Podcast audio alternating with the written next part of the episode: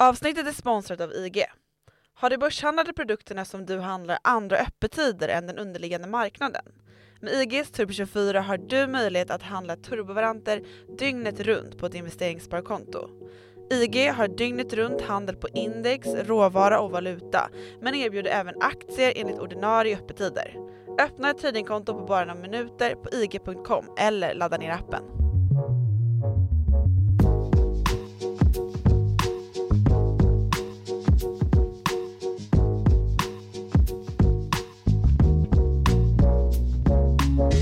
Ju bättre vi har det, desto mer vill vi ha. Mycket vill ha mer och fan vill ha fler. Ordspråket anspelar på dödssynden girighet och att den som redan har mycket och ändå inte är nöjd kommer hamna i helvetet enligt en regelbok som kallas Bibeln. Fåfängans och egots makt och vanmakt verkar kanske som allra starkast i finansvärlden. Där tillgångar flödar och känslor eller sentiment är en mer påverkande faktor än nog någon egentligen vill erkänna. Det vet alla som köpt och vunnit eller förlorat på börsen eller kryptomarknaden de senaste åren. Och nog finns det skäl att ifrågasätta den allt mer framträdande strukturen i dagens investerarklimat. Där erfarna förståsigpåare sågar de skyhöga värderingarna längs fotknölarna och sprider övertygelse om att vi är i en everything-bubbla som kommer explodera likt en vätebomb förr eller senare. Medan någon på andra sidan av handlarkollektivets känslospektrum glatt sätter sprätt på avkastningen från meme-aktiernas uppvärdering med ett köp av en ny digital meme-apa till kostnaden 80 miljoner dollar. Hur huvudlös är egentligen marknaden? Efter 15 år av exemplariska investeringsförutsättningar och gigantiska uppvärderingar.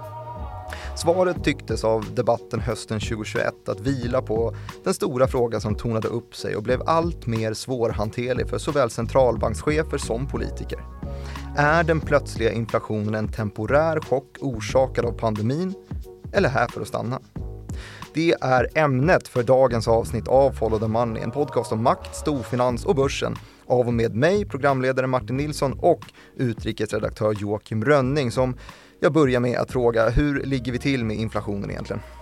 Uh, ja, den har blivit intressant igen, först och främst. Jaså? Den har ju varit hur tråkig som helst i över tio år. Och så helt plötsligt så kommer det en pandemi och därefter så blir det superintressant igen. Anledningen till att inflationen har varit så himla tråkig de senaste tio åren, uh, ja. Det är väl att den har varit obefintlig Ja, kanske? precis. Den har inte funnits. Den upphörde ju. Den hamnade på en, en, helt annan plats än vad den egentligen bör vara för vi har ju inflationsmål i ekonomin. Inflation i sig då är ju en ökning av den allmänna prisnivån som gör att man kan köpa färre varor och tjänster för samma peng. Alltså att pengar minskar i värde brukar man ju säga till barn om någon, någon, någon gång skulle få för sig fråga vad inflation är. Det brukar ju barn göra. Betyder det här då att inflationisterna vann? Jag kommer ihåg att vi hade ett avsnitt om just fighten mellan deflationisterna och inflationisterna. Ja, det har ju blivit lite av den stora makroekonomkampen under eh, pandemin och framåt här. Där det har varit liksom centralbankirer och chefsekonomer som har hävdat att allting är övergående effekter och eh, andra lite mer rebelliska förmågor har hävdat att det är inte alls det. Den här inflationen är här för att stanna och det har flera skäl. Det finns ju en massa olika orsaker till att inflation kan sätta fart ju. När jag sa att barn kanske frågar om det här, då pratar vi framförallt om barn som kanske har kommit upp på någonstans mellanstadienivå, börjat få forska lite grann om Europas länder och deras historia. Kanske lite grann om andra världskriget och vad som var upprinnelsen till det. Och då blir bekanta med eh, Weimarrepublikens hyperinflation. När man eldade papperspengar. Precis, för att det var billigare än vanligt papper ungefär. Så att pengarna förlorar sitt värde och det, så kan det ju bli om en centralbank plötsligt tillhandahåller alldeles för stora mängder pengar. Då stiger ju priserna och pengarnas värde urholkas. Så det handlar ju då om att utbud och efterfrågan av pengar dels men också utbud och efterfrågan av varor då eftersom att en stor efterfrågan från folk eh, på, som, som vill köpa massor med varor och tjänster i en ekonomi mer än vad som kan produceras av företagen. Då stiger också priserna. Samtidigt då som vi från andra sidan kan ha en kostnadsuppgång för att producera varor och tjänster av olika skäl som då stiger och gör eh, att det sätter sig på priset och då blir det svårare att köpa varor som är dyrare eller svårare att tillverka och, och få ut i i butik eller vart man nu handlar dem och detsamma gäller ju då just att man ska få ut dem i butik och det har vi ju stora problem med just nu. Den här delen av ekvationen framförallt då att vi har flaskhalsar i leverantörskedjor på grund av då att vi chockstartade ekonomin efter att den hade stannat under pandemin. Då blev det en extremt hög efterfrågan och ett extremt lågt utbud då jämfört med vad det skulle behöva vara för att, för att tillse de behov som finns. Och sen så spelar allting det här av sig också då i, i den stora allmänna ekonomin utifrån förväntningar. För om företag och hushåll får för sig att priserna kommer ju öka nu så då kan också anställdas krav på vad de ska få i lön öka. Om det blir faktum att man då kräver en kompensation som företagen i sin tur inte känner att de kan kompensera med hjälp av höjda priser då på, på slutkunden då, då har man ju genom att förvänta sig inflation också skapat inflation. Så det här är ju en massa komplicerade dynamiska effekter som kan slå an här och bilda en spiral som leder till då att vi har en hög inflation här plötsligt. Och så det är ju de här sammanfallande faktorerna nu som, som eh, dansar omkring och har lett till att vi i om vi ska börja med den största ekonomin i världen, USA, ligger på en inflation då som är 6,2 procent och det är den högsta nivån på 30 år och då kan man jämföra det med en, ett målområde för inflationen som enligt Federal Reserve ska ligga kring 2 procent. Mm. Om vi tittar på Sverige så har vi precis fått, då, då är det här månadssiffror för oktober 2021 vi pratar om nu.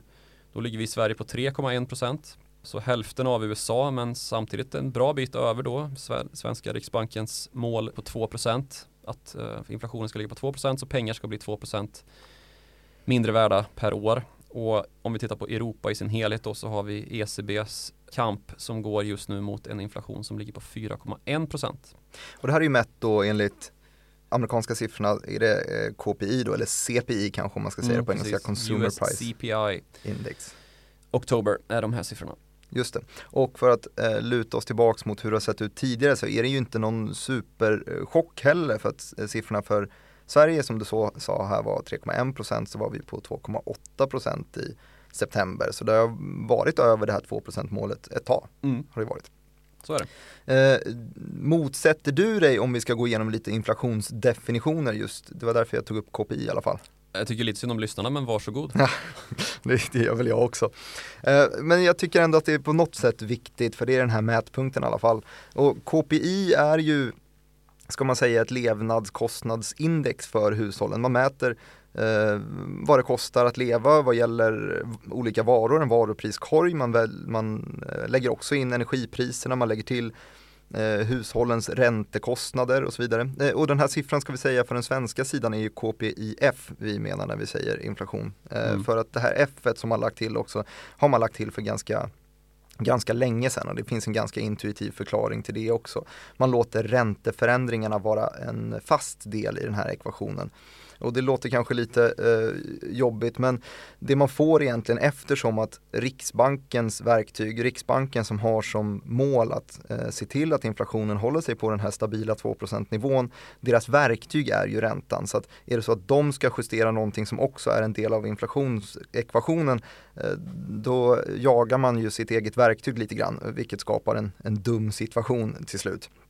Så eh, KPIF eh, helt enkelt är det som man lutar sig mot i, Sverige. Och sen så kan man ju också om man är centralbankschef eh, exkludera andra saker än att bara sätta eh, ränteförändringarna till en fast punkt. Man kan Mycket populärt i våra dagar. Så är det ju verkligen. Eh, man exkluderar till exempel energipriser och där motiverar man det med att det är extremt volatilt med energipriser. Vi, Känner vi till ja. Vi pratade ju här för ett och ett halvt år sedan ungefär om hur spotpriserna för oljan var nere Gratis på olja riktigt, var det plötsligt. Ja, de var nere på riktigt låga nivåer. Um, och det handlades till och med till minus i vissa futures-kontrakt där.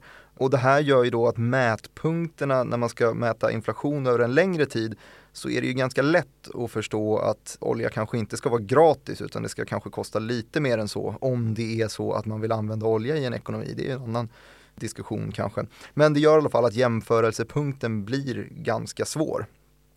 Anledningen till att jag har det här så pass färskt i huvudet och, och vill ta upp definitioner är för att jag precis har frågat en, en herre om hur det ligger till egentligen. En herre? En herre.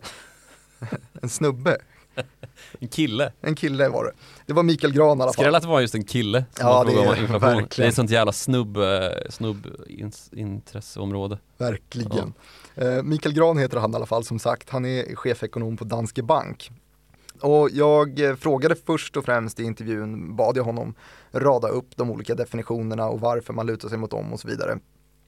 Och sen så i slutet av intervjun, eller samtidigt som den pågick, så med högerhanden så skickade jag ut en, en liten förfrågan till tittarna att rösta i en liten omröstning. Där jag skrev, för oktober var KPIF 3,1% Tror ni att den kommer ligga högre om ett år eller lägre om ett år? Och så var det ett litet binärt utfall där. Och då röstade ett hundratal som kollade på programmet där 42% sa att den kommer vara högre och 58% blir det ju då som är kvar trodde att den skulle komma lägre. Och då var Mikael Gran eh, sylvass i svaret och sa ja, till de där 42% som tror att det kommer vara högre så vill jag fråga Tror ni också att elpriserna kommer vara 100% högre om ett år? Och tror ni också att bensinpriser kommer ligga på 25-30 spänn om ett år? Det är nämligen det som krävs. Vi snackar om inflationstakter och det kanske är lätt att glömma bort, sa Mm. han. Och det här är ju just det som, om man är i lägret, man ska exkludera energipriser som man argumenterar med. Mm. Och det är de som kanske är i det motsatta lägret, vilket också är en, en stor skara, även högutbildade superekonomer som Mikael Gran. Som så- kollar på Trading Direkt. Ja, då, då hör man ju också eh, argumentet istället att ja, justerar man inflationen för förändringar i inflationen så kommer den alltid vara fortsatt obefintlig. Mm. Pucko, Mm. brukar man ofta säga. Mm. Så där har vi någon form av, av definition. Och nu tog jag över. Ja men det är bra att du gör det. Men Ja. det här är ju, det kommer in, för oss in på någonting som jag vill prata om här, för vi ska inte bara prata om inflation, för det blir för tråkigt och för just det här sitta och prata om ekonomi på ett sätt som vi har gett oss fan på att inte göra. Ska du ge dig in i, i jakten på Skandiamannen igen? Nej, vi ska försöka närma oss eh, det här från ett lite bredare angreppssätt ur filosofisk synvinkel också. Vi Ja. kommer dit sen, men först så kanske vi skulle närma oss teori då. För vi kommer ju, vi har ju redan presenterat liksom att det finns en koppling till arbetsmarknaden som gäller oss alla. Och att samtidigt som vi har haft en väldigt, väldigt låg inflation i Sverige så har ju det samspelat med att vi har haft i princip noll löneutveckling. Lönerna har ju praktiskt taget stått still. Det här är ju någonting då som det finns väldigt mycket teori runt och som har lyfts fram då i form av en graf som kallas för Philipskurvan som är väldigt populär inom makroekonomin. Mm. Kanske framförallt debatten kring om Philipskurvan ska lämnas på historiens sophög eller inte. Men jag tycker det börjar bli dags att fiska upp den här och se om vi kan applicera den på ett lite annat sätt och då får vi börja med att, presentera då, vad är det för någonting. Ja, vad är Philipskurvan? Det vet ju alla som har läst någon eh, makroekonomisk kurs för den här är ganska grund, grundnivån då. Det är då en teori som består av att man ritar upp en ganska enkel graf där man då har ja, men högersidan på en, på en enkel graf och så har man en, en kurva som, som sluttar utför. Mhm. Uppifrån vänster i grafen ner mot eh, höger då. Och den håller sig inom den övre högra Kvadrant? kvadranten. Bra. Den ska då representera sambandet mellan inflation och arbetslöshet i en ekonomi. Mhm. Så man visar alltså ett negativt samband mellan inflation och arbetslöshet. Alltså att låg arbetslöshet medför hög inflation och omvänt. Just det, så att på y-axeln, den vertikala jäkeln, så Mm. har du inflationen och Yes. på den eh, horisontella har du arbetslösheten. Just det. Vilket då indikerar att låg arbetslöshet, då puttas inflationen upp. Det är ju ett läge då när många i ekonomin har en lön och pengar att, att röra sig med. Och då trycks inflationen upp kan man säga. Priser stiger på varor i ekonomin genom högre efterfrågan på produkter i hyllorna när folk har jobb och lön. Så då menar Philips eh, och den teorin att en centralbank då som har makten över, över den styrande räntan skulle kunna sänka räntan, stimulera upp inflationen och i samma veva att man stimulerar upp en inflation så kan man också eh, ta sig an problemet arbetslöshet. Ja, precis. Dels genom då arbetsmarknadens dynamik och genom att man då skapar en miljö där investeringar gynnas, alltså för att det är billigt med pengar att låna och trycka in i satsningar och skapa utveckling och därmed då förutsättningar för fler och nya jobb så leder ju det till en lägre arbetslöshet. Så det, det, är helt korrekt. Och den här kurvan då, den löper över en konjunkturcykel. Alltså från det att en ekonomi går från hög till lågkonjunktur. Det motsvarar liksom en förflyttning längs den här kurvan. Och den är då påhittad av en, som en liksom visualisering av en nyzeeländsk, nyzeeländsk kanske heter, nationalekonom som heter William Phillips som sammanställde en studie över det här sambandet 1958 baserat på brittisk ekonomi mellan åren 1861 och 1957. Och sen så har man då studerat andra länder och kommit fram till att ah, men det, här, det här stämmer ju ganska bra. Och det ledde till att några andra forskare framställde den här Phillips-kurvan. Och den blev väldigt välkänd och berömd trots då att redan i slutet på 60-talet så visade det sig att den här stämmer ju inte riktigt. Fan, det, det låter ju bra och det låter ju som att man liksom, ja vad smidigt, då kan vi styra världens ekonomi på ett stabilt sätt framöver här då om, om Philipskurvan bara stämmer liksom. Men eh, som sagt redan i 60-talet så visade det sig att liksom Philipskurvan ser helt stört ut. Det här överensstämmer ju inte alls med verkligheten längre. Och från och med början av 70-talet då så kom samtida inflation och arbetslöshet att på allvar ifrågasätta hela grunden för den här teorin. Och det var då via vad som kom att kallas för stagflation. Och Just där det. tänkte jag att du som är en riktig makronörd ska få ta över och berätta vad stagflation är för någonting. Stagflation har vi berättat ett par gånger de senaste avsnitten faktiskt. Jag vet inte varför vi har ramlat in på det så mycket, men det är väl just det för att det kanske har lyfts upp i, i debatten. Och det är ju då när man hamnar i den omöjliga situationen där inflationen är hög och arbetslösheten är hög samtidigt. Och där hamnar vi ju då när den här relationen rakt av bryts, alltså att arbetslösheten är rejält hög men inflationen är lika så också hög samtidigt så man vågar då inte sänka räntorna för då sprutar vi upp eh, inflationen ytterligare för att då rädda arbetslösheten och, och vice versa. Man vågar inte höja räntorna för då slaktar vi arbetslösheten ännu mer. Mm. För att komma på ett bättre sätt att hantera inflation då så, så utvecklas den här teorin om att man ska basera mer på de så kallade rationella förväntningarna då. Och det innebär att den här kurvan inte ligger fast utan att man förflyttas och byter form beroende på förväntningar om framtida inflation. Lite det som jag var inne på där i slutet på mitt första anförande om att vi faktiskt förväntar oss olika saker och att det också bidrar till vilken inflation vi har utifrån då, ja men nu tror företag och privatpersoner att vi kommer få inflation, då får vi också inflation ungefär. Ekonomi är gissningar. Gud vad mycket gissningar det är. Är inte ekonomi vetenskap? Nej. Nej, det är ju inte det. Ett vanligt och gravt missförstånd som många gör om ekonomi att det bara är att skruva på lite knappar och allting är förutbestämbart och det borde ju gå att hitta en algoritm som förutspår allt vad börsrörelser och framtida BNP och ekonomiska prognoser heter liksom, men det går ju inte. Men vad skulle du säga är aktuella inflationsorsaker om vi tar oss tillbaks till nutiden just nu då? Ja, vi har ju redan varit inne på dem lite grann, men det är ju då energipriserna som har skjutit i höjden. Det har ju varit både högt och lågt på, på oljemarknaden och det har varit eh, väldigt högt framförallt på gasmarknaden, vilket då har drabbat Europa och USA framförallt, för det är ju länder som är helt beroende, eller länder, det är ju USA är ett land och i Europa är en världsdel och ett EU-block som är väldigt beroende av både gas och eh, olja och oljan det är ju framförallt USA då som är så extremt beroende av för att förflytta sig i det här stora landet. Alla har bil och även då för att köra industrier och ta sig framåt med ekonomin.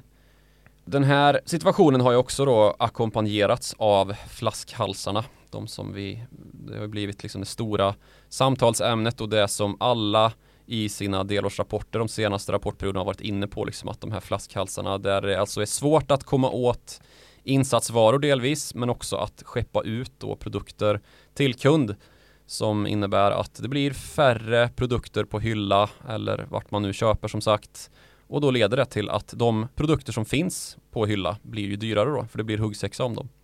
Just det, och det här är ju någonting som vi har sett påverkat men, i princip varenda bransch. Just att det räcker att det är en leverantör som skapar en, en bil eh, eller någonting eh, som stöter på högre leveranskostnader för att få dit deras komponenter eller kanske förseningar och så vidare så kommer det påverka varenda liten underleverantör till den här produkten som i sin tur också då får ett slag mot sina marginaler och leveransbekymmer ut mot sina kunder. Ja, precis. Men sen så skiljer det sig ju väldigt mycket åt liksom de här olika regionerna som sagt USA versus Europa och Japan och Kina liksom. Och någonting som har märkts i debatten kring den här senaste tidens inflationsuppgång då är att den också har blivit politisk. Det är inte bara så att det är centralbankerna som håller på och orerar om det här. Vi har ju då i USA väldigt tydliga nu åtgärder politiskt också. Joe Biden himself, alltså USAs president, är ute och pratar om att inflationen är ett hot liksom och att det är högt upp på agendan att stävja inflationen då från den fiskala sidan och att staten ska göra sitt då för att det inte ska drabbas av allvarliga konsekvenser för ekonomin då där vi får ett för högt tryck att priserna blir för höga och ja, det, det leder ju till att ekonomin exploderar i princip. Så det som Joe Biden och Vita huset har föreslagit då är eh, åtgärder för just att ta itu med energisituationen. För det här med flaskhalsar och energi, det är ju det som regeringen då potentiellt skulle kunna bidra med. Och då pratar vi om att USA plötsligt har fått skäl att nyttja sin strategiska oljereserv som som då är någonting som Kina faktiskt redan har gjort. Att man släpper ut en del av det som man har i statens egna lager för att då möta den efterfrågesituation som råder och råda bot på det utbud, den utbudsbrist som finns.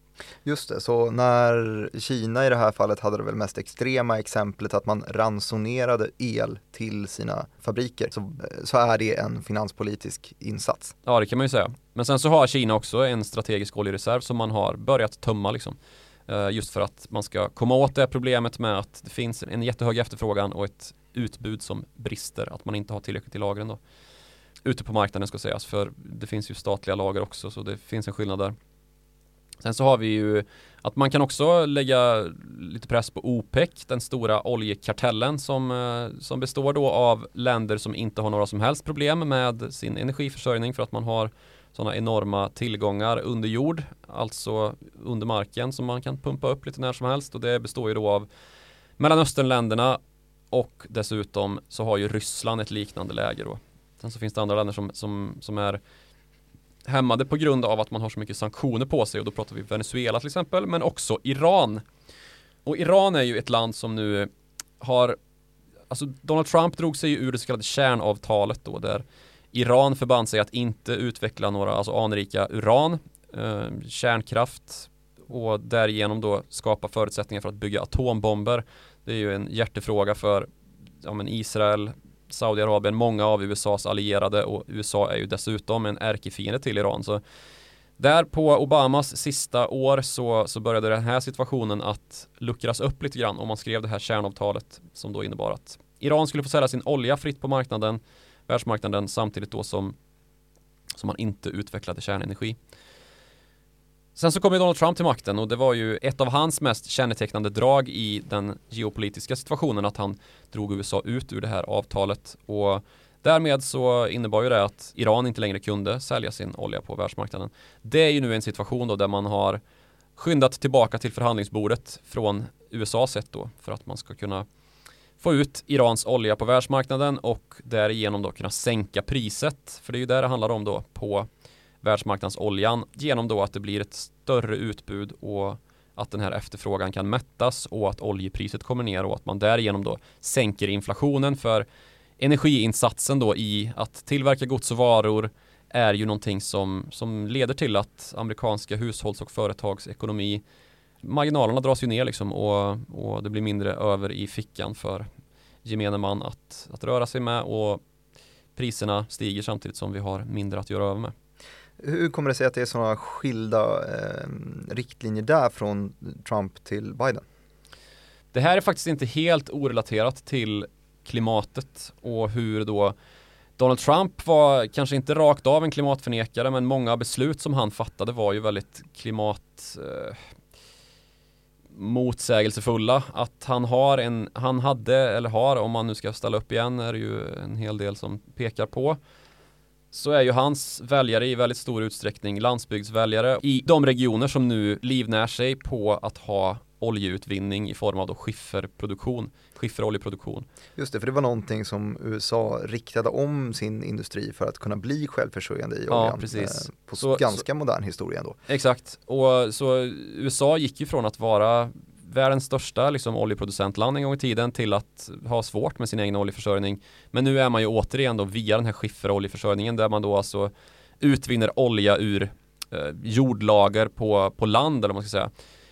Helt självförsörjande och till och med nettoexportör av olja fram till dess att oljepriset kraschade under 2020 och världsmarknadspriset på olja blev så lågt att utvinningstekniken då helt enkelt inte var lönsam längre och då fick man lägga ner stora delar av skifferoljeindustrin som är mycket dyrare än vad det är att utvinna i konventionella oljebrunnar eller oljeplattformar till havs då. Och nu när oljepriset har kommit upp från då, ja vad låg vi på i spotpriset runt typ 20 dollar per fat då så ligger vi nu omkring, ja men en bit över 80 dollar per fat så priset har ju fyrfaldigats. Och då har också skifferoljeproduktionen kunnat starta om igen. Och det har ju lett till att USA har visst ett större utbud att röra sig med. Och trots det så är ändå priset ganska högt. Och det beror ju på att USA har en hel världsmarknad att förhålla sig till. Och det är OPEC som styr här. För OPEC har ju den absolut största världsmarknadsandelen. Och kan liksom med hjälp av att, ja men hur man skruvar på av kranar bestämma hur efterfrågan som finns i marknaden ska mötas helt enkelt. Så man pumpar bara liksom marginellt mer än vad som, vad som finns i efterfrågan och därmed så, så fäster man priset helt enkelt. Och det är ju den här situationen nu då som man vill försöka kringgå lite grann en Joe Biden då som går tillbaka till förhandlingsbordet med Iran och bestämmer sig för att eh, förhandla igen och därmed locka ut olja på marknaden för att sänka världsmarknadspriset. Kopplingen till klimatet är ju då dels att Joe Biden står inte bakom en utveckling där USA producerar en jättemängd av den här smutsiga skifferoljan. Så det finns flera faktorer som spelar in här men som sagt klimatarbetet är inte att, att underskatta. Vi hade ju här på, på COP26-mötet, alltså Conference of Parties, det är ju FN-mötet om klimatavtal som alla länder i princip förbinder sig till. Där John Kerry är eh, den gamla presidentvalskandidaten som förlorade mot Barack Obama 2008. Där han är då särskilt sändebud för USA och ingick ett, en pakt med Kina, någonting så märkligt som att USA och Kina drar igen till plötsligt i just klimatfrågan, att man ska samarbeta på det området. Så det är en helt annan svansföring och retorik som förs från Biden-administrationen. Naturligtvis, det är ju också jättestora satsningar på olika fiskala stödpaket och gröna budgetar som ska kavlas ut för att man ska ta itu med klimatet och nå FN-uppsatta mål och inte överträda den här tvågraders uppvärmningen innan nästa århundrade för att då vi inte ska få de obönhörliga klimatförändringarna med havsvattennivåhöjningar och eh, ja, klimatflyktingar som, som inte vet vart de ska ta vägen och en totalt, ett totalt haveri för världsekonomin och destabilisering och ja, allt det där eländiga. Så det, det är några av faktorerna bakom att, att USA har satt sig till bords med Kina och även framförallt då kanske med Iran. Senast på tapeten för vår del i alla fall så har det varit väldigt mycket fokus på Europa på Tysklands politiska beslut gentemot Ryssland, plocka in Nord Stream eller inte, alltså förlita sig på ja, Nord Stream 2, den andra rysk gas eller inte. Som går genom Östersjön. Ja. Vad är senaste uppdateringen där? Senaste uppdateringen är att de har precis avbrutit förhandlingarna om att certifiera den här gasledningen som går genom Östersjön, bland annat genom svenska vatten. Och det här har ju väckt en del uppmärksamhet då eftersom att vi har ett så skört läge just på, på gassidan och Christine Lagarde då som är ECBs ordförande, Europeiska centralbankens ordförande, stod på det senaste anförandet om räntebesked och sa att det här är ju effekter som är övergående och det är framförallt energin som är problemet att vi har så himla höga energikostnader. Och då är ju den här gasledningen då som Ryssland också anklagas för att ha skapat sig en hävstång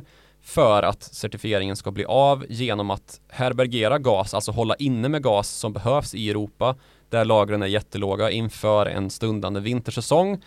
Och där vi hittills här under hösten har räddats lite grann av att vi har ganska så mycket varmare väder just nu än vad som brukar vara fallet och då behövs inte lika mycket av den här gasen till att värma upp hem. För det är ju någonting man gör i Europa till skillnad från, från i Sverige där vi har fjärrvärme och elvärme en hel del. Så det finns det ju en del betänkligheter kring just nu då om, om vi får oss en köldknäpp här och att det snabbt ska börja rasa ut för med ännu dyrare energi och en tilltagande inflation av den anledningen då som, som inte Kristin Lagarde riktigt har räknat med i kalkylen. Sen så har vi också livsmedel då som är en viktig komponent i inflationstalen. Och där har vi också haft en påverkan från just de här energiproblemen. För naturgas används då till att göra gödningsmedel och när det inte finns någon naturgas att göra gödningsmedel av så växer det inte lika bra eller inte alls och vi har inte lika bra skördar. Och det är någonting som också då skulle driva upp det här. Precis, ja det blir dyrare med de matvaror som finns. Och innan man liksom blir alarmistisk om det här så ska man ju ta in då återigen att det här är ju viktigt att väga in tidshorisonten på. För de som hävdar att det är övergående effekter hävdar ju just att det är en tidshorisont på det här som måste dras ut lite längre.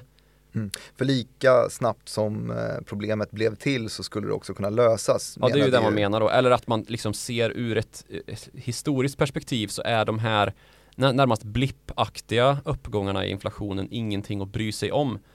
Det är ju då om vi skulle få en strukturell förändring som leder till att den här inflationen inte går över liksom som en förkylning utan att den faktiskt visar sig vara ett virus som är rätt kompetent. Pratar vi virus här av någon anledning? Det är ju naturligtvis för att pandemin är den utlösande faktorn till de här trendskiften som många nu då hävdar. Men det var faktiskt någonting som, eh, om vi ska koppla det till just centralbankssnack, så var det någonting som Janet Yellen tog upp senast, eh, finansminister i USA, ju som tidigare satt som Fed-chef, eh, att någonting som hon håller ögonen på är smittspridningen. Just för att förnyade lockdowns är synonymt med högre inflation. Ja, precis. Och det här är också det som, som eh, nuvarande Fed-chef Jerome Powell pratar om i sina senaste anföranden, liksom att Ja, nu har det här visat sig vara lite mer ihållande än vi hade räknat med. Det sa även Christine Lagarde här på sitt anförande. Men vi räknar ändå med att det är transitory. Transitory är ju då det är närmast, alltså även amerikanska centralbankschefer, det finns ju regionala centralbankschefer då i Atlanta så heter chefen där Rafael Bostich och han gjorde en poäng av då att han håller inte med om det här med transitory och det betyder då övergående. Så att han har infört en så kallad eh, swear words jar, vad har vi på svenska för det? En, en svärburk Svordomsburk som man har för olydiga barn som får stoppa en uh, krona varje gång de säger fan eller något. Mm. så är transitory svordomen då. Så han och hans kollegor stoppar en eh, dollar så fort de börjar prata om transitory och råkar föra in det i samtalet. För att de håller då inte med om det här eh, från centralt håll då Rafael Bostich så han är lite mer progressiv eller vad man ska säga hökig i sitt synsätt på när centralbanken ska behöva höja räntan då. För det är ju det som är slutpoängen med att, att sluta prata om det här som transitory att faktiskt börja agera med räntevapnet på aggressivare maner än vad som den egna prognosen då från, från Fed centralt är. Ja, har han rätt så, så blir plötsligt en dollar inte så mycket värd i alla fall, så det kanske Precis. inte är så stor investering. Feglir av Rafael Bostich. Precis. Men det verkar ju helt enkelt så i alla fall att allihopa av de här olika centralbankscheferna värderar olika typer av prisökningar eh, olika. Alltså komponentbristdriven eller energiprisdriven inflation är helt annorlunda från det man vill se, det som är bestående, alltså typ lönedriven inflation. Ja, och precis. Och det här är ju också intressant då utifrån att det här är ju mycket effekter som inte Fed kan rå på liksom. Vad ska de göra? Alltså det är en räntehöjning eller vad man nu än gör kommer ju inte leda till att, visst det kan få lite påverkan på energipriserna men det är också en ganska realekonomisk bild som består av då en manipulatör i Mellanöstern som heter OPEC och dessutom då eh, ja, men samma med logistikkedjor och, och problem där. Så att det här är ju, och framförallt då ska vi säga pandemin som ju är efterfrågebilden där att eh, om vi har deltavarianten som som sagt Jerome Powell också pratar om som en viktig komponent i hela räntespelet så så spelar det liksom ingen roll vad eh, en räntehöjning hit eller dit gör. Det är ju väldigt realekonomiskt som sagt. Och det som Jerome Powell försvarar då att inte höja räntan med är ju att han vill se full employment. Så han, han kör ju helt och hållet på arbetstagarlinjen liksom att han vill att amerikaner ska ha jobb och då anser han att arbetslösheten är fortfarande alldeles för hög för att man ska vara nöjda liksom. Så mm. arbetslöshetsmålet är nästan ännu viktigare än än inflationen. Och det är ju det här som börjar bli problematiskt då att när blir det inte längre viktigare än inflationen? När är ekonomin i helhet i så pass mycket gungning av en så hög inflation och så höga prisuppgångar att folk inte helt enkelt kan köpa sina varor och det här drabbar ju de som är sämst ställda i ekonomin mest för det blir ju som en extra skatt liksom. Och har du ingenting då så, eller väldigt lite att, att röra dig med utöver det sista behovet när du har köpt den sista varan du behöver för att klara dig på en månad så, så blir det ju kärvt då när den här extra skatten äter upp några av dina vanligtvis sista ören som du behöver för att köpa mjölk liksom som då helt plötsligt eh, inte finns kvar på grund av att mjölken är så pass mycket dyrare att du inte har råd med den. Men är inte det här också en liten peak från Jerome Powell att eh, de kräver insatser från den, det finanspolitiska hållet? Det är något som vi har pratat om tidigare här att eh, Eh, centralbanker har suttit på taktpinnen väldigt, väldigt mm. länge. Men eh, marginalnyttan av investerad stimulanskrona för centralbankerna mm. Eh, ser ut att bli allt lägre och då krävs det istället att pengarna investeras från finanspolitiskt håll. Alltså att det ska vara politiska reformer som driver tillbaks arbetslösheten till ja. eh, perfekta nivåer och på så sätt kickar igång inflationen. Jag sa jag tror det, det är fel. Det är så. det är helt, helt uppenbart så. Och det här är ju någonting som man har pratat om från centralbankshåll i hela världen att vad, hallå, vad gör alla politiker liksom, finanspolitiken, var är, var är ni, var är du? Nu har det ju faktiskt hänt grejer där. Skattetryck och den typen av debatter har ju verkligen seglat upp. Vi har liksom eh, prat om miljardärsskatt i USA helt plötsligt och det här går väl också lite grann i linje med att Demokraterna fick makten där i både senaten och eh, representanthuset dessutom. Och att man då lyckades liksom få till den här debatten om jämlikhet i USA på en lite mer möjliggjord spelplan än vad som var möjligt eh, eller hade varit möjligt om den här det här sista extravalet i Georgia som blev så avgörande inte hade fallit i händerna på, på Demokraterna. Vilket gjorde att eh, Elon Musk tog beslutet att sälja eh, aktier till ett värde av 5 miljarder dollar och skicka ja. ner småspararna i diket. Ja precis, så det är ju en intressant uh, liten en liten poäng det där att det har blivit så pass mycket debatt om det här och Elon Musk hävdar sig, han är ju så jävla lurig också, men han hävdar sig inte då vilja stå med någon sorts dumstrut för att han, eller dumstrut, vid någon sorts skampåle för att han förskingrar skatt då som består i att hans aktier har varit så pass uppvärderade samtidigt som han själv då inte tar någon lön från Tesla utan all hans förmögenhet ligger i hans aktieportfölj i princip och um, han har helt enkelt inte särskilt mycket likvida medel men är ändå världens rikaste man eftersom att hans aktier är värda så mycket. Så då har han motiverat då att han säljer en del aktier för att inte optioner ska, ska förfalla och aktier helt enkelt inte tilldelas honom. Så när han väl ska betala skatt på de aktier han tilldelas så, så måste han sälja. Och sen så har det också tillkommit en del att han hugger på allt därifrån um, de politiska församlingarna, alltså Bernie Sanders till exempel har skrivit, skrev någonting på Twitter och då var han ju naturligtvis där och bad honom bara om en order så kommer jag sälja ännu mer och ja, jag vet inte, det blir någon sorts omvänd psykologi först, liksom. Va? Lever du fortfarande? Ja, precis, han är ju ett troll. Men du lovade ju dyrt och heligt här och vi använde ju till och med Bibeln i introduktionen att vi inte skulle fastna så mycket i ekonomisk teori. Hur tycker du det går? Nej det går ju jättedåligt. Mm. Men äh, ja, jag antar att du vill prata om äh, mem-aktier och NFT, digitala mem-apor och så. Hemskt gärna. Ja. ja.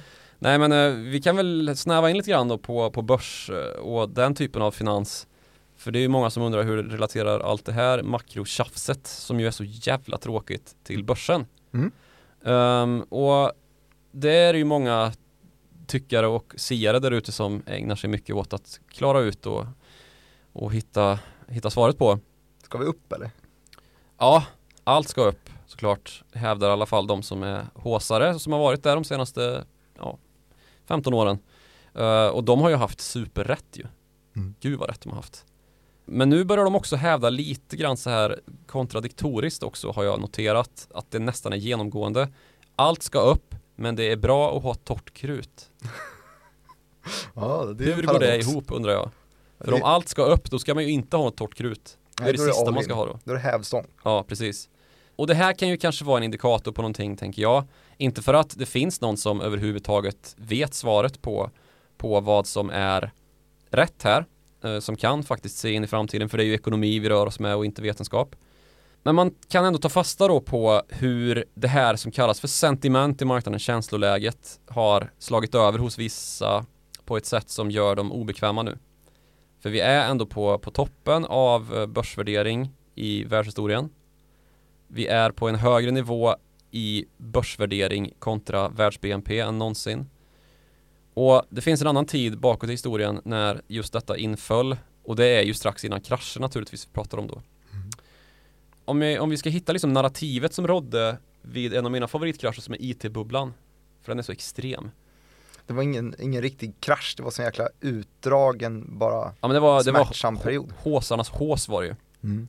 Och de som inte lyssnade på den här håsen om att media, telekom och IT-bolag skulle vara framtidens fullständiga ekonomi vilket de väl typ hade rätt i fast det gick alldeles för fort och det blev alldeles för dramatiskt och drastiskt och sen så kollapsade allting. En som inte ville ställa sig i den ringhörnan var Warren Buffett. Den trötte Nestorn, trött, han har väl all rätt att vara trött när man är 90 bast men han var i alla fall så att han i sitt investmentbolag Berkshire Hathaway samlade på sig kassa, hade just torrt krut trots då att alla sa att det här kommer ju stiga till mars. Och då strax innan eh, 99 gick över i 2000 så skrevs det en artikel i det anrika finansmagasinet Barron's som hade rubriken What's bothering Mr Buffett? Och där gjorde man då en stor sak av att eh, är Buffett slut? Det här är ju då 23 år sedan. Han lever och frodas och är en av världens rikaste män fortfarande så han var inte slut. Och vi som har facit till det här kan ju konstatera då att hans då rekordstora kassa som han valde att vägra köpa några IT-bubbelbolag var det led att det skulle visa sig att de var det var ju helt rätt då.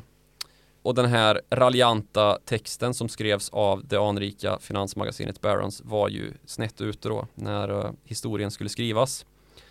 För samtidigt då som sättningen i Nasdaq som är då techindexet i New York, Nasdaq Composite var 74% över en, eh, ja men som, som mest då från toppen till botten i det här techraset som utlöstes så gjorde Warren Buffetts investmentbolag Berkshire Hathaway en vinst på 63%.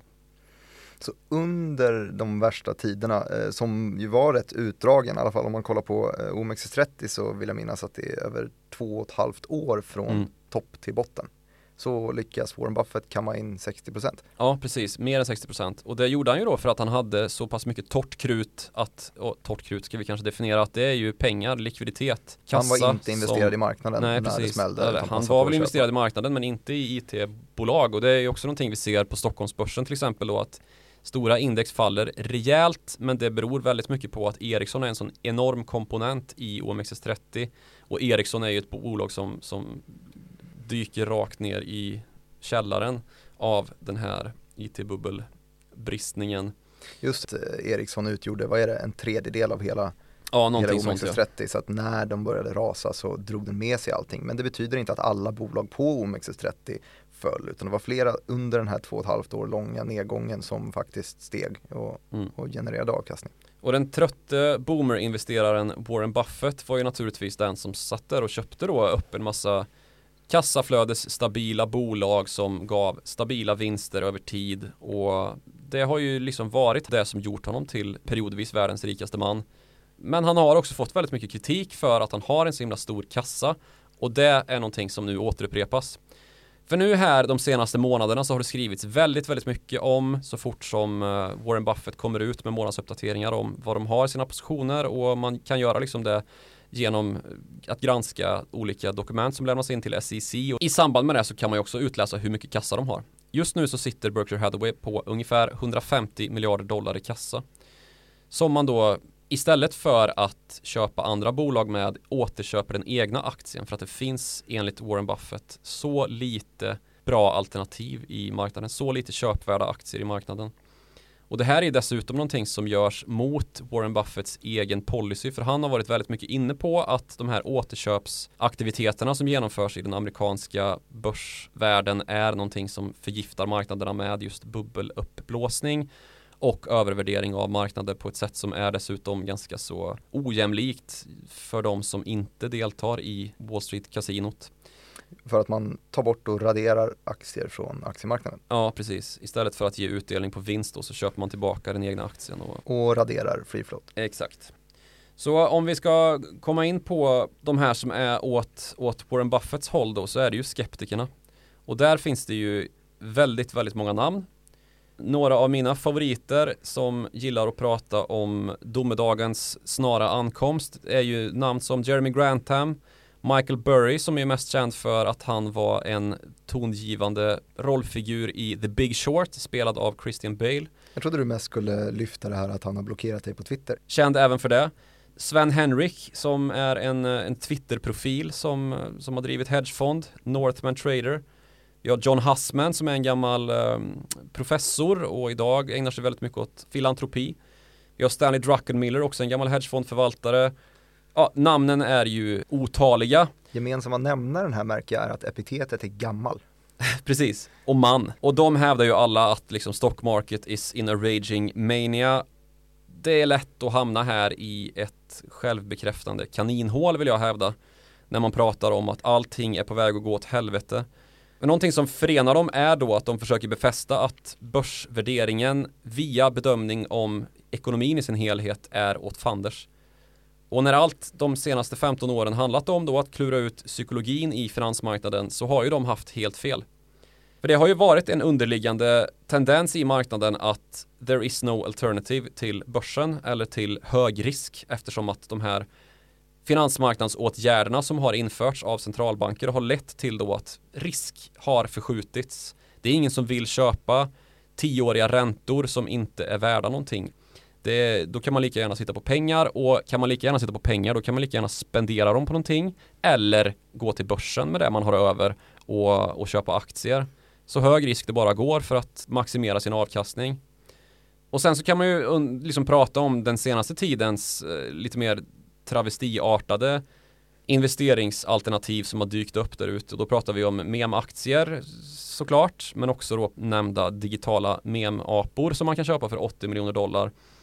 Det är väl ganska logiskt ändå att se vart de här liksom fenomenen kommer ifrån.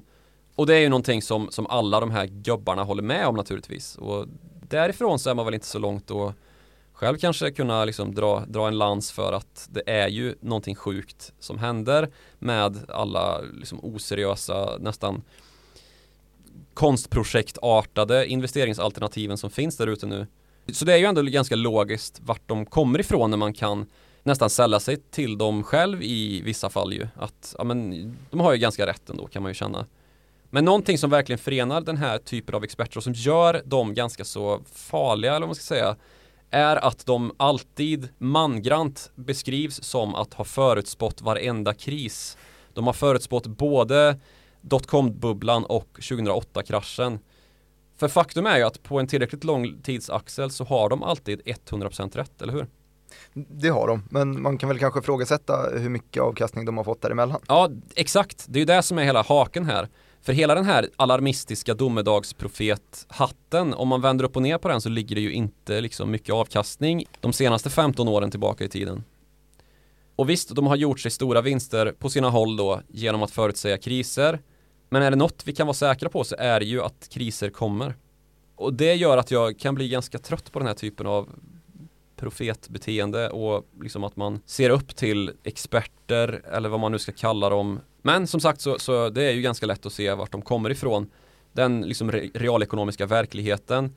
Men jag skulle vilja ta lite koncept till hjälp här och förklara att viljans makt träder in först ganska sent i liksom en ranking över vad människan behöver för att överleva. Ramlar du in på filosofi nu? Ja, nu kommer det. Mm. Ta dagens investeringsklimat då med mem-aktier och digitala valutor, folk som köper GIF-konst och digitala kryptoapor för 80 mil styck. Är det här någonting man behöver för att överleva i en fysisk verklighet? Absolut. Inte. Nej.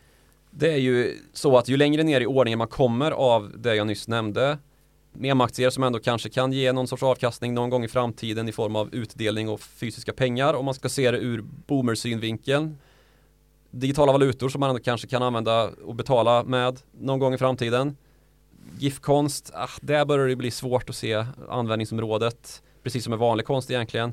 Digitala kryptoapor, ja ni fattar. Det är liksom ingenting man absolut behöver för att överleva och, eller ens kan använda för att överleva. Så om vi också lägger på liksom en total finanskrasch för att reda ut det här från en ren utgångspunkt då. Och då pratar vi en finanskrasch som är värre än 1929 där allt har kraschat, det känns rätt jävla skit och man börjar fundera på vad är det jag behöver för att klara mig liksom. Jag kanske förlorar jobbet, jag kanske inte har mat på bordet imorgon, jag har barn att försörja, vad händer nu? Då kommer ju alla de här behoven krypande igen liksom. Först de psykologiska och därefter de fysiska och har man otur så får man ju panne också. Mm. Man kommer på liksom att shit, min portfölj är kraschad, jag har inga medel att röra mig med för jag hade satsat allt på digitala kryptoapor.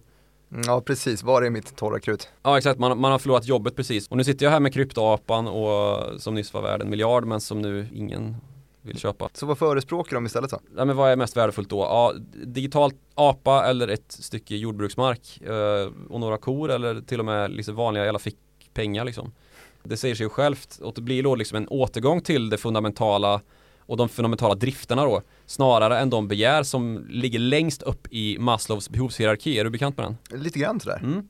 Och det kan ju då lite grann signalera att vi är i peak värdering och peak högkonjunktur när det ser ut så här och att man köper digitala kryptoapor för 80 miljoner dollar. Maslows behovshierarki, som du tydligen vet vad det är, det är ju en ranking då över just det här hur det mänskliga behovet utvecklas med välstånd. Och i botten så finns det då de fysiska behoven som vi behöver klara av och äta och dricka till exempel. Och ju längre upp man kommer desto högre är graden av ego, självförverkligande och fåfängan. Man kan säga mycket liksom om NFT och memaktier och digitala kryptoapor. Men det här är också liksom ett bevis på hur svårt det har blivit att hitta avkastning när vi letar efter den här typen av investeringsmöjligheter som är så extremt långt upp på Maslows behovshierarki att det bara är signalering nästan. Att så här, kolla vad jag kan köpa, en kryptoapa för 80 miljoner dollar. För det är ju någon som gjort det liksom. Mm. Och om inte det är fåfänga och ego så vet jag inte vad. Men så, så längst ner på, på eh, Maslows finansbehovstrappa här så hittar vi då den tioåriga amerikanska statsobligationen eller vad ligger Ja, det? eller kassa kanske till och med. Ja, just det. Eh, men amerikanska dollar, det, det är minst riskabla liksom. Och det, det, är väl, ja, dollar eller kanske en. Bit land. ja visst, jo i och för sig, ja det har du helt rätt i. Att i botten av den här så vilar ju realekonomiska Bullens pilsnerkorv. Ja. Det är det vi ska ha. Korn och frön kanske, ja, jag vet inte. Någonting sånt, det kan man väl också betala med i någon sorts eh, primitiv ekonomi. Men eh, ja. Men det var ju inte, inte det. Levnadsförutsättningar är ju det som är, alltså fysiska levnadsförutsättningar som man kan skapa avkastning med. Ja men frön är väl jättebra där. Men, men det var inte det som, som Buffett ändå ägde där när krisen vände? Jag vet inte, han skulle nog mycket väl kunna äga något fröbolag någonstans, kan jag tänka mig. Och Michael Burry har ju gjort en st stor sak då, alltså Big Short-snubben, att han köper vatten. Han satsar på vatten. Det var länge hans enda satsning när han var som mest finansiellt deprimerad där någonstans på 2013 Men han, han står ju också där på toppen av den här riskskalan och kortar istället det mest riskfyllda alternativet. Jo men han, han gör det ju från, från en position väldigt långt ner i Maslows finansbehovshierarki. Alltså att han tror på att vi kommer närma oss botten på den här pyramiden där vi bara behöver hänge oss till de realekonomiska verkligheterna och Teslas aktievärdering just nu är inte realekonomiskt förankrad, därför ska den ner liksom.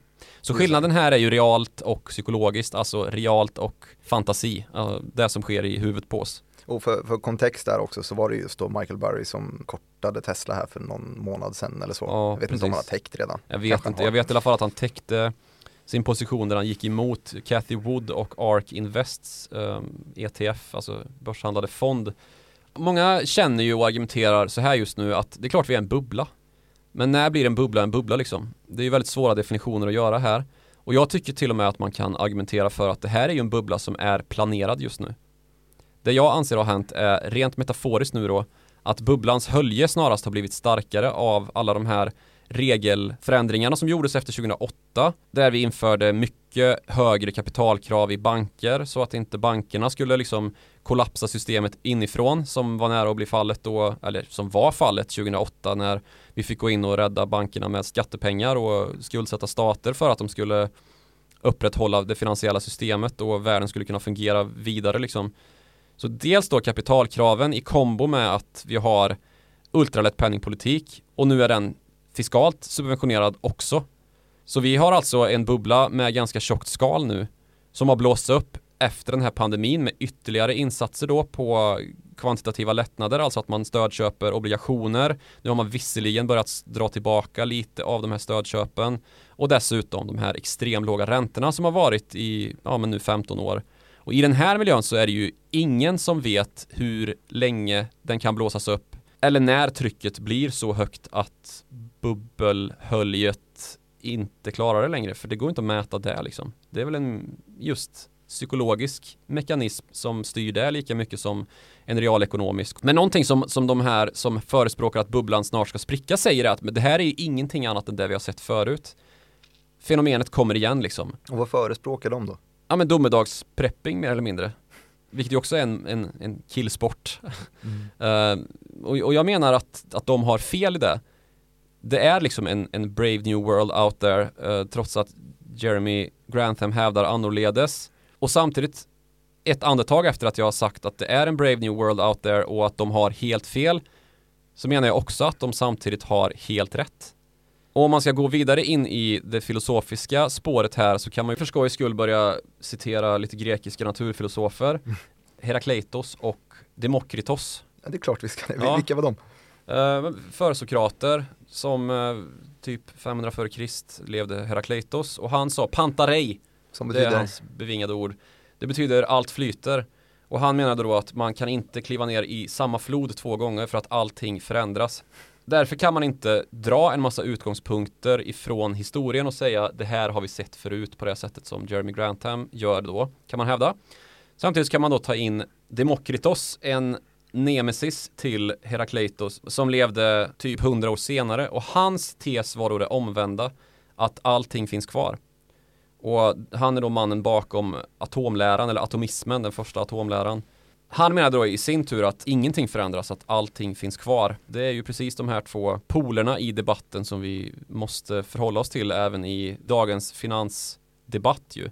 Att uh, vara fullt investerad men ändå ha torrt krut i påsen. ja, precis. Den dynamiska verkligheten är där men samtidigt så är ju människan fortfarande människa och ja, när det spricker så spricker det och det enda vi förmodligen kan vara säkra på är att det kommer nya kriser. Mm. Det finns ju bevingade ord från nämnda Janet Yellen, finansminister i USA. Hon sa att jag är säker på att jag har upplevt min sista finanskris.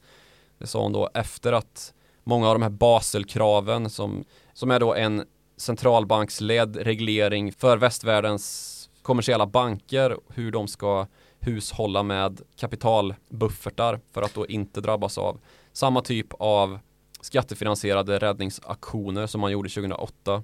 Snacka om signalvärde snarare än att hon själv trodde på det. Ja, lite så kanske. Men eh, hon har ju fått vara med om en rejäl finanskris till eftersom hon lever och frodas och vi precis har haft en sådan i form av då coronasmällen här. Så det enda man kan vara helt säker på när man ställer ut sådana här prognoser är att man till slut kommer att ha helt rätt. Om man ställer ut tillräckligt många eller har en tillräckligt lång tidshorisont eller bara är allmänt vag som många av de nämnda herrarna som jag tog upp här är att man säger liksom att ja, vi är på väg mot den största krisen sedan 1929 men när? Ja, vi får se. Om vi lutar oss mot, eh, mot gubbarna då, vad, vad tycker de att man ska äga i en sån här eh, inflationsspöket präglad tid? Ja men det är ju bolag som tjänar pengar och som vinner på inflation som är högutdelande bolag som också har tillväxt på vinsten och som kan utöka utdelningen över tid.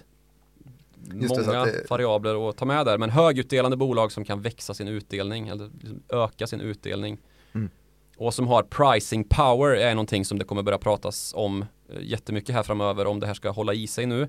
Just det, för det har varit temat eh, att bolag som har haft som absolut inte har haft pricing power har varit de som har lidit ganska mycket av den här punktinflationen eh, mm. eh, som följde av Ja, det, har, det, det är ju vad hela liksom delårsrapportsäsongen för tredje kvartalet har handlat om ju. Vilka bolag är det som inte kan föra över kostnader för insatsmaterial och höjda logistikpriser eh, och ja, men flaskhalsarna på sina kunder. Och det är då bolag som har långa försäljningskedjor som drabbas hårdare av det här. De som ja. säljer direkt mot kund och själva tillverkar det mesta drabbas inte lika hårt. Nej precis, och sen så kan man väl liksom kategorisera in det lite grann i att en del bolag har ju utifrån vilka produkter man saluför eller vilken bransch man är olika förutsättningar för det här.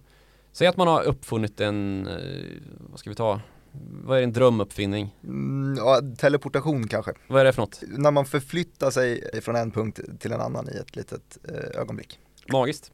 Ja, U- UFO-stuff? ja det vore väl fint. Ja men nu, nu har vi uppfunnit det i alla fall. Ja, ja hur ska vi, Jag har den hemma.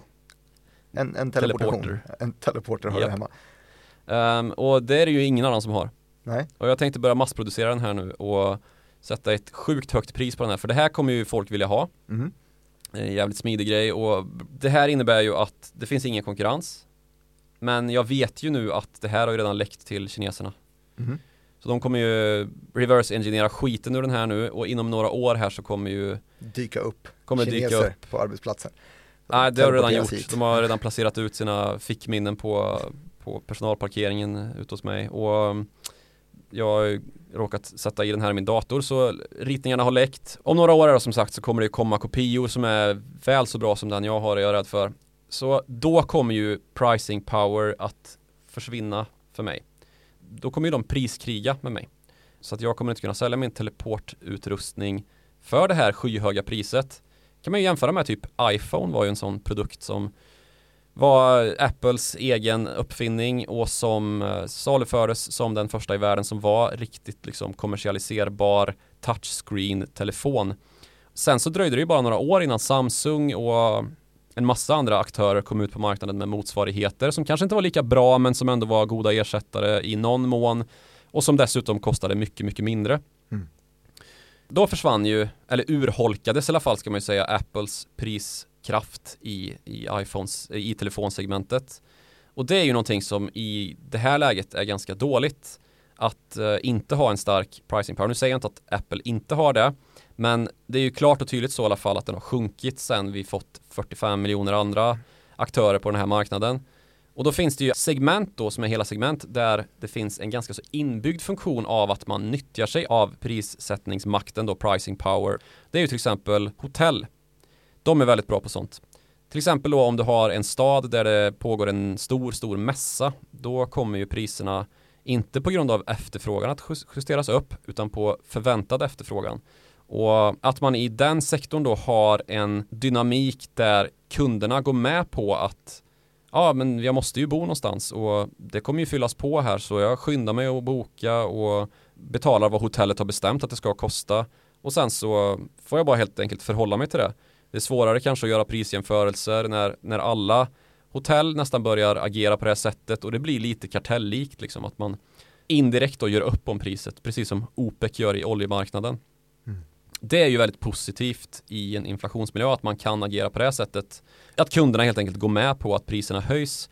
Och det är ju någonting vi har sett nu i tredje kvartalsrapporterna att bolag som inte kan föra över kostnader på kund och inte justera upp priser i butik eller vart man nu säljer då, de har det svårare att försvara sina vinster och ja, men, hålla upp omsättningen först och främst då. Det handlar väl också om just den här praktiska delen, hur snabbt det går att vrida upp priserna. Har man långa, långa kontrakt med kunderna som man säljer till, där man bestämmer priset och förhandlar det över en lång period. Det finns ju stora industrileverantörer som säkert förhandlar över års tid, eller i alla fall många månader. Då man plötsligt får en prisjustering som kan gå från en månad till en annan så är det svårt att föra över den här kostnaden. Ja. Så det gäller ju också att i ja, hotellens fall att det handlar bara om att uppdatera priset på hemsidan så är det det som gäller. Mm, precis, det blir lite som en omvänd hedging nästan. Att en del bolag då kan hedga bort en del risker för hastiga prischocker genom att då köpa av en leverantör, typ flygbränsle är en sån sak. Att eh, flygbolag köper flygbränsle till en fast kostnad. Så oavsett hur priset justeras upp eller ner i världsmarknaden så, så får man köpa till en och samma. Det finns ju goda exempel på, till exempel då när vi hade den här oljepriskraschen i mars 2020 när vissa bolag, vissa flygbolag hade fullständigt hedgat bort sig och köpt då flygfotogen till ett pris som motsvarade då en oljeprisnivå för det, är det är ju en insatsvara, oljan i flygfotogenet. Så att eh, vid ett oljepris som kanske låg på 60-70 dollar på världsmarknaden och det korrelerar ju ganska så kraftigt med flygfotogenets pris så när oljan plötsligt befann sig på minus i vissa kontrakt så fick man ju sitta då och köpa fotogen till en klart högre kostnad än vad som då var fallet på världsmarknaden. Så då fanns det andra bolag då istället som hade hedgat sig annorlunda eller inte hedgat sig överhuvudtaget Ja. som kunde sänka priset på sina eh, flygbiljetter med Ja, ett knapptryck kan man och fortfarande vara lönsamma. Nu är det tveksamt om de gjorde det här i och för sig, för det är en annan marknad som, som korrelerar på ett annat sätt i biljettsammanhanget men ja men typ så, marginalerna går ju upp i så, i så fall. Ja, vi kan väl i alla fall lämna aktiediskussionen med att allting förändras och allting är detsamma och det gäller i alla fall att vara fullt investerad och ha torrt krut i påsen. Men Martin Nilsson, han kommer fortsätta köpa Jag har sagt kryptoapor en miljon gånger. Ja okej, förlåt. Gott, och vill man nå oss så gör man ju det såklart på followthemoney.direkt.se som är mejladressen. Vill man nå oss individuellt på Twitter så kan man fylla i snabel Joakim Ronning i sökfältet så når man honom och man kan nå mig på snabel direkt Martin. Tack så mycket för att ni har lyssnat på oss idag så hörs vi igen om en vecka.